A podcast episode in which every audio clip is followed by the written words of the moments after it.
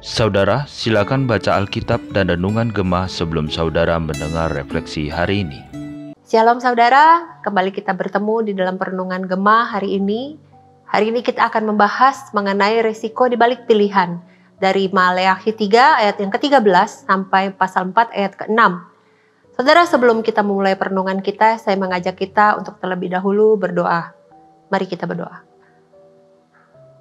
Ya Tuhan, saat ini ya Tuhan kami datang di hadapan Tuhan untuk belajar firman-Mu. Kami mohon Tuhan yang boleh singkapkan segala yang terselubung sehingga kami boleh mengerti, memahami, dan boleh melakukan firman Tuhan. Biarlah Tuhan yang boleh berbicara dan kami siap mendengar. Terima kasih Tuhan dalam nama Yesus Kristus kami berdoa.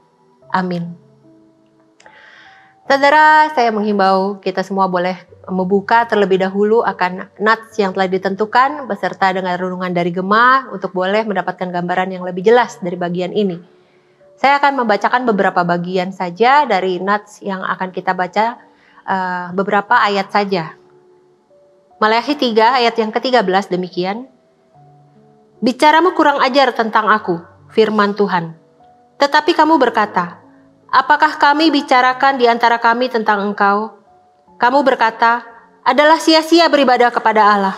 Apakah untungnya kita memelihara apa yang harus dilakukan terhadapnya dan berjalan dengan pakaian berkabung di hadapan Tuhan semesta alam? Oleh sebab itu, kita ini menyebut berbahagia orang-orang yang gegabah.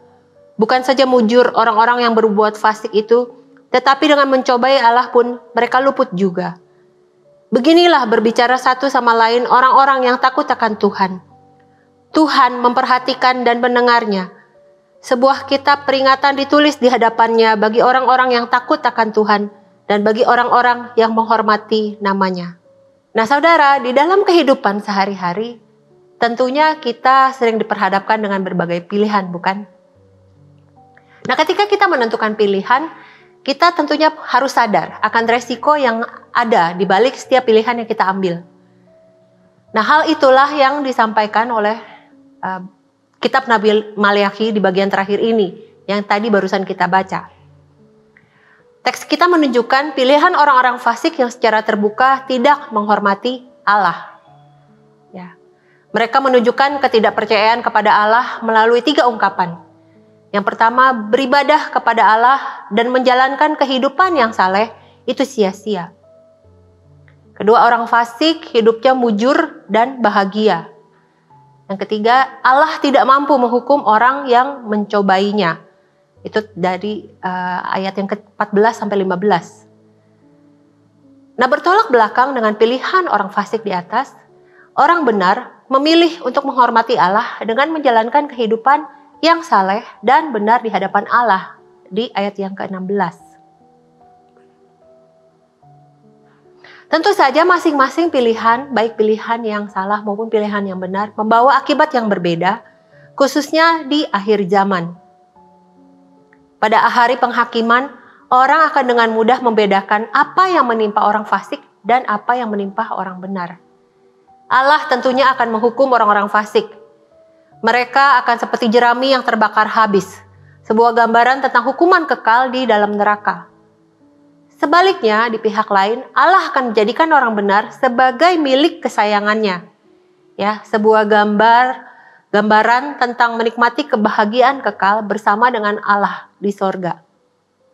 Allah juga tentunya akan menerbitkan bagi mereka surya kebenaran untuk memulihkan kehidupan mereka dan menuntun mereka agar hidup dalam kebenaran dan mencapai kemenangan hingga pada akhir hari penghakiman di pasal yang keempat. Saya membacakan ayat 5 dan 6.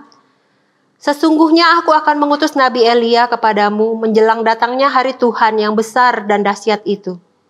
Maka ia akan membuat hati bapak-bapak berbalik kepada anak-anaknya dan hati anak-anak kepada bapak-bapaknya supaya jangan aku datang memukul bumi sehingga musnah.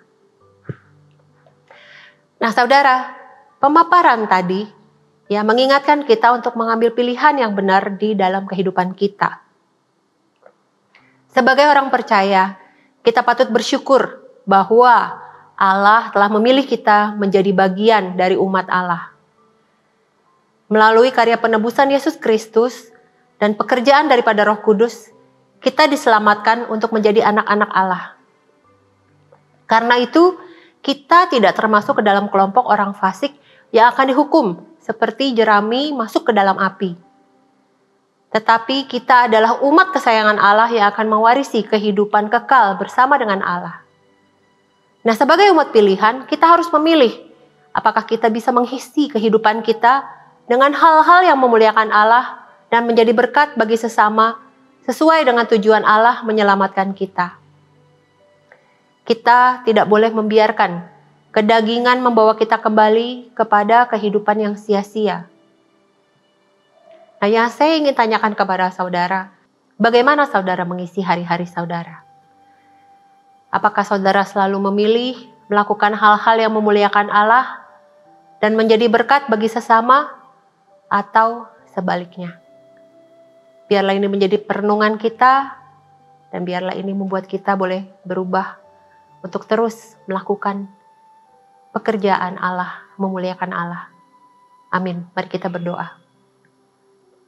Ya Tuhan, kami bersyukur ya Tuhan kalau Tuhan izinkan kami hari ini boleh belajar ketika diperhadapkan dengan pilihan yang benar dan yang buruk. Kami berdoa biarlah kami boleh bersandar pada Tuhan dan memilih akan pilihan yang benar sehingga hidup kami boleh memuliakan Tuhan.